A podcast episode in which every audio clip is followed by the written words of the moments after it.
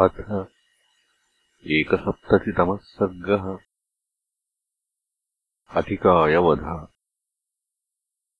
स्वबलम् व्यथितम् दृष्ट्वा तुमुलम् रोमहर्षणम्। भ्रातॄंश्च निहतान् दृष्ट्वा शक्रतुल्यपराक्रमान्। पितृव्यौ चापि सन्दृश्य समरे सन्निषूदितौ युद्धोन्मत्तम् च मत्तम् च भ्रातरौ राक्षसर्षभौ सुकोपचमहातेजा ब्रह्मदत्तवरो युधि अतिकायोद्रिसङ्काशो देवदानवदर्पः। स भास्करसहस्रस्य सङ्घातमिव भास्वरम् रथम् आस्थाय शक्रारिः अभिदुद्राववानरान् स विस्फार्यमहच्चापम् किरीटी वृष्टकुण्डलः नाम विश्रावयामासननाद च महास्वनम् तेन सिंहप्रणादेन नाम विश्रावणेन च ज्याशब्देन च भीमेन त्रासयामास वानरान् ते दृष्ट्वा देहमाहात्म्यम् कुम्भकर्णोऽयमुत्थितः। भयात्ता वानराः सर्वे संश्रयन्ते परस्परम्। ते तस्य रूपमालोक्य यथा विष्णोस्त्रिविक्रमे भयाद्वानरयूथास्ते विद्रवन्ति ततस्ततः। तेति कायम् समासाद्यवानरामूढचेतसः। शरण्यम् शरणम् जग्मुहुलक्ष्मणाग्रजमाहवे। काकुत्स्थो रथस्थम् ददर्शधन्विनम् दूरात् गर्जन्तम् कालमेघवत्। स तम् दृष्ट्वा महात्मानम् राघवस्तु विसिष्मिये वानरान् सान्त्वयित्वाथ विभीषणमुवाच। कोऽसौ पर्वतसङ्काशो धनुष्मान् हरिलोचनः। युक्ते हयसहस्रेण विशाले च्यन्दने स्थितः। य एष निशितैः शूलैः सुतीक्ष्णैः प्रासतोमरैः। अर्चिष्मद्भिर्वृतो भाति भूतैरिव महेश्वरः। कालजिह्वाप्रकाशाभिः य एषोऽतिविराजते आवृतो रथशक्तीभिः विद्युद्भिरिवतो यदः धनूषि चास्य सज्यानि हेमपृष्ठानि सर्वशः। शोभयन्ति रथश्रेष्ठम् शक्रचापैवाम्बरम् क एष रक्षश्चार्दूलोरणभूमिम् विराजयन् अभ्येतिरथिनाम् श्रेष्ठो रथेनादित्यतेजसा ध्वजशृङ्गप्रतिष्ठेन राहुणाभिविराजते। सूर्यरश्मिनिभैर्बाणैः दिशो दश विराजयन् त्रिणतम् मेघनिर्ह्रादम् हेमपृष्ठम् अलङ्कृतम्। शतक्रतुधनुप्रख्यम् धनुश्चास्य विराजते। सध्वजः सपताकश्च सानुकर्षो महारथः चतुःसादिसमायुक्तो मेघस्तनितनिस्वनः। विंशतिर्दशचाष्टौ चतुन्योऽस्य रथमास्थिताः। कार्मुकानि च भीमानि ज्याश्च काञ्चनपिङ्गळाः द्वौ च खड्गौ रथगतौ पार्श्वस्थौ पार्श्वशोभितौ चतुर्हस्तत्सर्वयुतौ व्यक्तहस्तदशायतौ। रक्तकण्ठगुणो धीरो महापर्वतसन्निभः। कालः कालमहावक्त्रो मेघस्थैव भास्करः। काञ्चनागदनद्धाभ्याम् भुजाभ्यामेष शोभते शृङ्गाभ्यामिव तुङ्गाभ्याम् हिमवान् पर्वतोत्तमः कुण्डलाभ्याम् तु यस्यैतद्भाति वक्त्रम् शुभेक्षणम् पुनर्वस्वन्तरगतम् पूर्णम् बिम्बमिवैन्दवम्। आचक्ष्वमे महाबाहो त्वमेनम् राक्षसोत्तमम्। यम् दृष्ट्वा वानराः सर्वे भयार्ता विद्रुतादिशः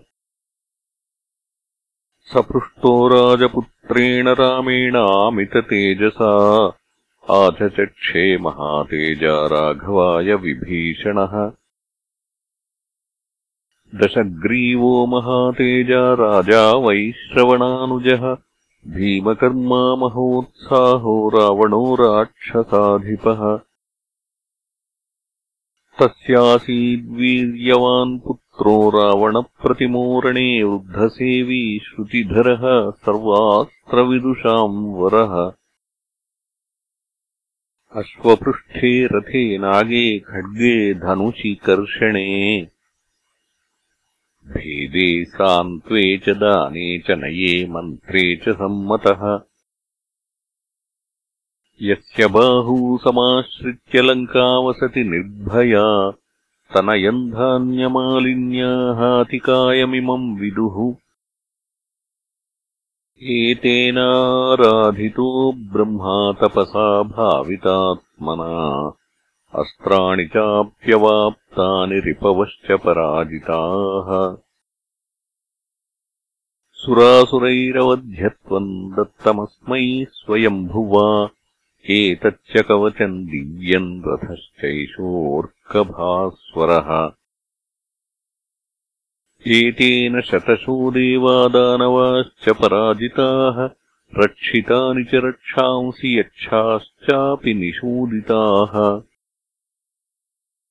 वज्रम् विष्टम्भितम् येन बाणैरिन्द्रस्य धीमतः पाशः सलिलराजस्य रणे प्रतिहतस्तथा एषोऽतिकायो बलवान् राक्षसानामथर्षभः रावणस्य सुतो धीमान् देवदानवदर्पः। तदस्मिन् क्रियताम् यत्नः क्षिप्रम् पुरुषपुङ्गव। पुरा वानरसैन्यानि क्षयम् नयति सायकैः।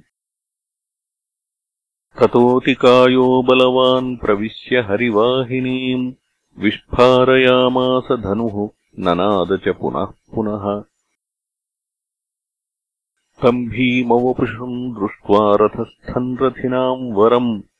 अभिपेतुर्महात्मानो ये प्रधानावनौकसः कुमुदोद्विविदो मैन्दो नीलः शरभ एव च। पादपैर्गिरिशृङ्गैश्च युगपत्समभिद्रवन् तेषाम् वृक्षांश्च शैलांश्च शरैः काञ्चनभूषणैः अतिकायो महातेजाः चिच्छेदास्त्रविदाम् वरः। तांश्चैव सर्वान् सहरीम् शरैः सर्वायसैर्बली। विव्याधाभिमुखः सङ्ख्ये भीमकायो निशाचरः तेऽर्दिता बाणवर्षेण भग्नगात्राः प्लवङ्गमाः न शेकुरतिकायस्य प्रतिकर्तुम् महारणे। तत्सैन्यम् हरिवीराणाम् त्रासयामास राक्षसः मृगयूथमिव क्रुद्धो हरिर्यौवनदर्पितः। स राक्षसेन्द्रो हरिसैन्यमध्ये नायुध्यमानम् निजघानकञ्चित् उपेत्य रामम् स धनुः कलापी सगर्वितम् वाक्यमिदम् बभाषे।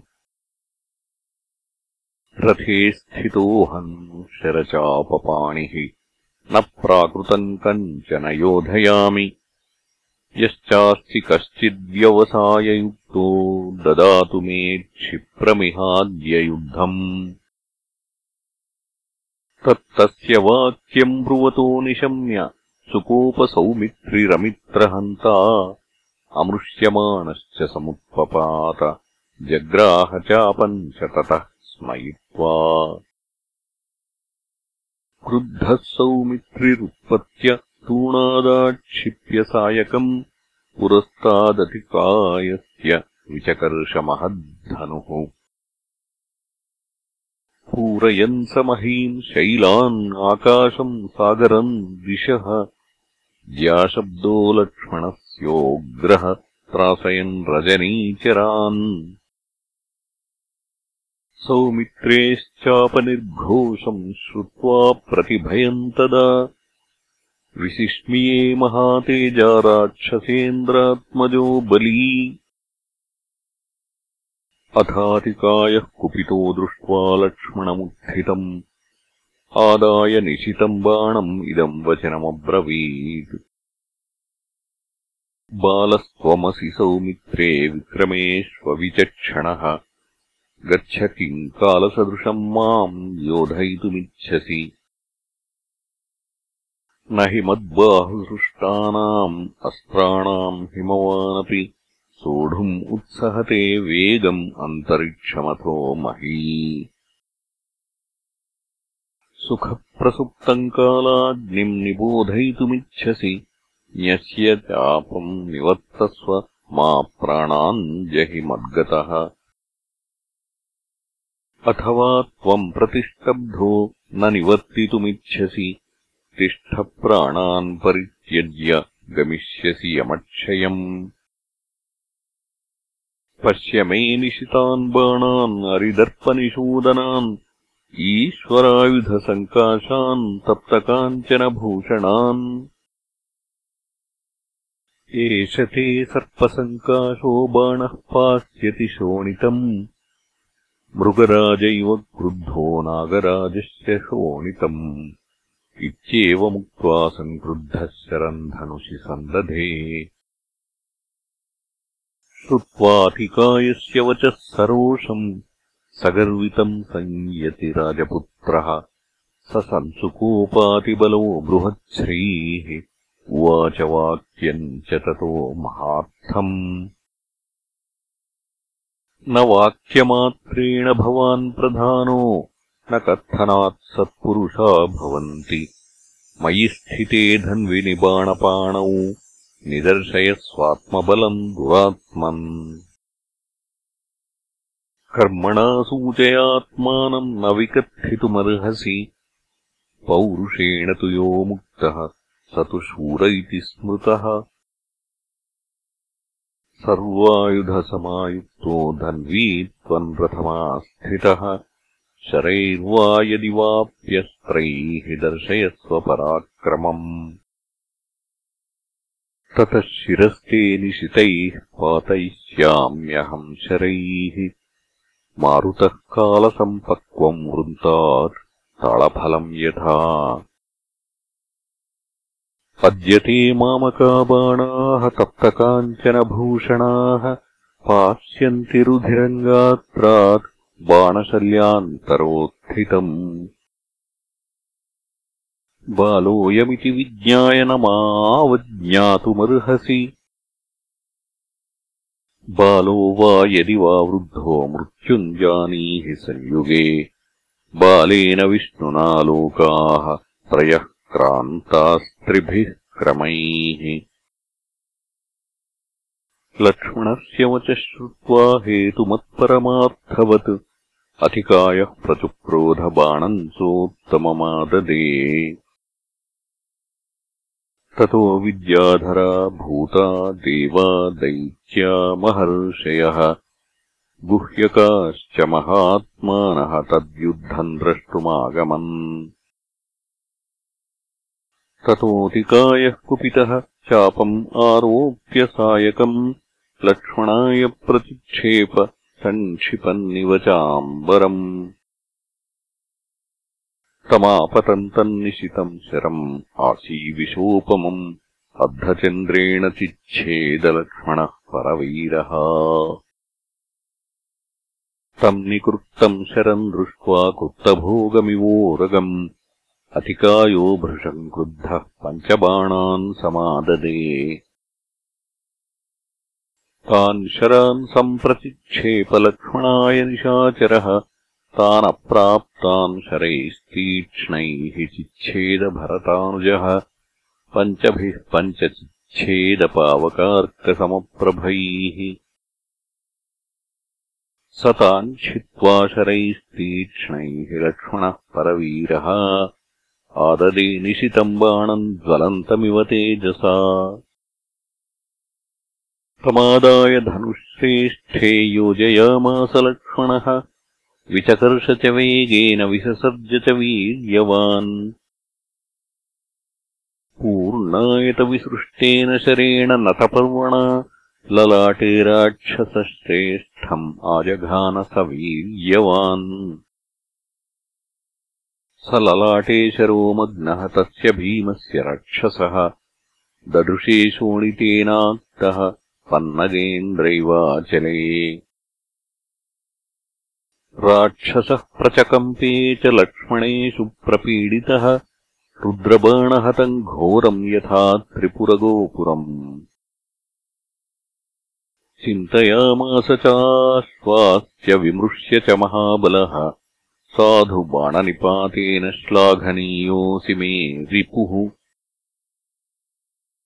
विधायैवम् विनम्यास्यम् नियम्य च भुजा उभौ रथोपस्थमास्थाय रथे च प्रचचारः। एकम् त्रीन् पञ्चसप्तेति सायकान् राक्षसर्षभः। आददे सन्दधे चापि विचकर्षोत्ससर्ज च ते बाणाः कालसङ्काशा राक्षसेन्द्रधनुश्च्युताः हेमपुङ्खारविप्रख्याः चक्रुर्दीप्तमिवाम्बरम् ततस्तान् राक्षसोत्सृष्टान् शरौघान् राघवानुजः असम्भ्रान्तः प्रतिच्छेदनिशितैर्बहुभिः शरैः तान् शरान् युधि सम्प्रेक्ष्य निकृत्तान् रावणात्मजः सुकोपत्रदशेन्द्रारिः जग्राहनिशितम् शरम्। स सन्धाय बाणम् सहसोत्सृजत् ततः सौमित्रिमायान्तम् आजघानस्तनान्तरे अतिकायेन सौमित्रिः ताडितो युधिवक्षसि सुस्रावरुधिरम् तीव्रम् मदम् मत्तैव द्विपः। स चकार तदात्मानम् विशल्यम् सहसा विभुः जग्राह च शरम् तीक्ष्णम् अस्त्रेणापि च सन्दधे आग्नेयेन तदा अस्त्रेण योजयामास सायकम्। स जज्वाल तदा बाणो धनुष्यस्य महात्मनः। अतिकायोऽपि तेजस्वी सौरमस्त्रम् समादधे। तेन बाणम् भुजङ्गाभम् हेमपुङ्खम् अयोजयत्। तदस्त्रम् ज्वलितम् घोरम् लक्ष्मणस्य रमाहितम् अतिकायाय चिक्षेपकालदण्डमिवान्तकः आग्नेयेनाभिसंयुक्तम् दृष्ट्वा बाणम् निशाचरः। उत्ससर्ज तदा बाणम् दीप्तम् सूर्यास्त्रयोजितम्। तावुभावम्बरे बाणौ अन्योन्यम् अभिजघ्नतुः। तेजसा सम्प्रदीप्ताग्रौ क्रुद्धाविव भुजङ्गमौ तावन्योन्यम् विनिर्दह्यपेततुः पृथिवीतले। निरर्चिषौ भस्मकृतौ न भ्राजेते शरोत्तमौ। ततोऽतिकायः सङ्क्रुद्धस्त्वस्त्रमैशीकमुत्सृजतु प्रतिच्छेदसौमित्रिः वीर्यवान्। ऐशीकन्निहतम् दृष्ट्वा ऋषितो रावणात्मजः याम्येनास्त्रेण सङ्क्रुद्धो योजयामास सायकम्। ततस्तदस्त्रम् चिक्षेपलक्ष्मणाय निशाचरः। वायव्येन तदस्त्रेण निजघान स लक्ष्मणः। अथैनम् शरधाराभिः धाराभिरिवतो यदः। अभ्यवर्षत्सु सङ्क्रुद्धो लक्ष्मणो रावणात्मजम् तेति कायम् समासाद्यकवचे वज्रभूषिते। भग्नाग्रशल्याः सहसा पेतुर्बाणामहीतले तान्मोघान् अभिसम्प्रेक्ष्य लक्ष्मणः परवीरः। अभ्यवर्षन्महेषूणाम् सहस्रेण महायशाः। स वृष्यमाणो बाणौघैः अतिकायो महाबलः अवध्यकवचः सङ्ख्ये राक्षसो नैव विव्यथे। शरम् चाशीविशाकारम् लक्ष्मणाय व्यपासृजत् स तेन विद्धः सौमित्रिः मर्मदेशे शरेणः मुहूर्तमात्रम् निःसंज्ञो ह्यभवत् शत्रुतापनः। ततः संज्ञाम् उपालभ्य चतुर्भिः सायकोत्तमैः निजघानहयान् सङ्ख्ये सारथिम् च महाबलः। ध्वजस्योन्मथनम् कृत्वा शरवर्षैररिन्दमः। असम्भ्रान्तः स सौमित्रिः तान् शरान् अभिलक्षितान्। मुमोचलक्ष्मणो बाणान् वधार्थम् तस्य रक्षसः। न शशाकरुजम् कर्तुम् युधि तस्य शरोत्तमः अथैनम् अभ्युपागम्य वायुर्वाक्यमुवाचः ब्रह्मदत्तवरो ह्येषावध्यकवचावृतः। ब्राह्मेणास्त्रेण भिञ्जेनम् एष वध्यो हि नान्यथा। अवध्य एष ह्यन्येषाम् अस्त्राणाम् कवची बली। ततस्तु वायोर्वचनम् निशम्य सौमित्रिरिन्द्रप्रतिमानवीर्यः। समाददे बाणममोघवेगम् तद्ब्राह्ममस्त्रम् सहसा नियोज्य। तस्मिन्महास्त्रे तु नियुज्यमाने सौमित्रिणा बाणवरेशिताग्रे दिशश्च चन्द्रार्कमहाग्रहाश्च नभश्च तत्रासचचालचोर्वी तम् ब्रह्मणोऽस्त्रेण नियुज्य चापे शरम् सुपुङ्खम् यमदूतकल्पम्। सौमित्रिरिन्द्रारिसुतस्य तस्य ससज्जबाणम् युधि वज्रकल्पम्। तम् लक्ष्मणोत्सृष्टममोघवेगम् समापतन्तम् ज्वलनप्रकाशम्। सुवर्णवज्रोत्तमचित्रपुङ्खम् तदातिकायः समरे ददर्श सम्प्रेक्षमाणः सहसातिकायो जघानबाणैर्निशितैरनेकैः स सायकस्तस्य सुपर्णवेगः तदातिकायस्य जगामपार्श्वम्। तमागतम् प्रेक्ष्य तदातिकायो बाणम् प्रदीप्तान्तककालकल्पम्। जघानशक्तिरुष्टिगदाकुठारैः शूलैर्हुलैश्चात्यविपन्नचेताः। तान्यायुधान्यद्भुतविग्रहाणि मोघानि कृत्वा स शरोऽग्निदीप्तः प्रगृह्य तस्यैव किरीटदुष्टम्। ततोऽतिकायस्य शिरो जहार। तच्छरम् सशिरस्त्राणम् लक्ष्मणेषु प्रपीडितम् पपातसहसा भूमौ शृङ्गम् हिमवतो यथा। तन्तु भूमौ निपतितम् दृष्ट्वा विक्षिप्तभूषणम् बभूवुर्व्यथिताः सर्वे हतशेषा निशाचराः ते विषण्णमुखा दीनाः प्रहारजनितश्रमाः विनेदुरुच्चैर्बहवः सहसा विस्वरैः स्वरैः ततस्ते त्वरितम् याता निरपेक्षा निशाचराः। पुरीमभिमुखा भीता द्रवन्तो नायके हते।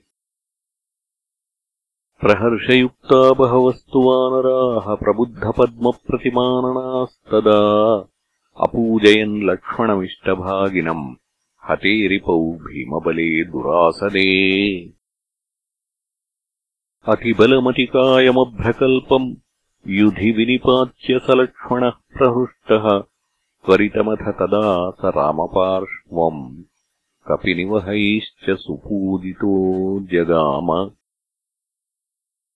इत्यार्षे श्रीमद् रामायणे वाल्मीकीये आदिकाव्ये युद्धकाण्डे एकसप्ततितमः सर्गः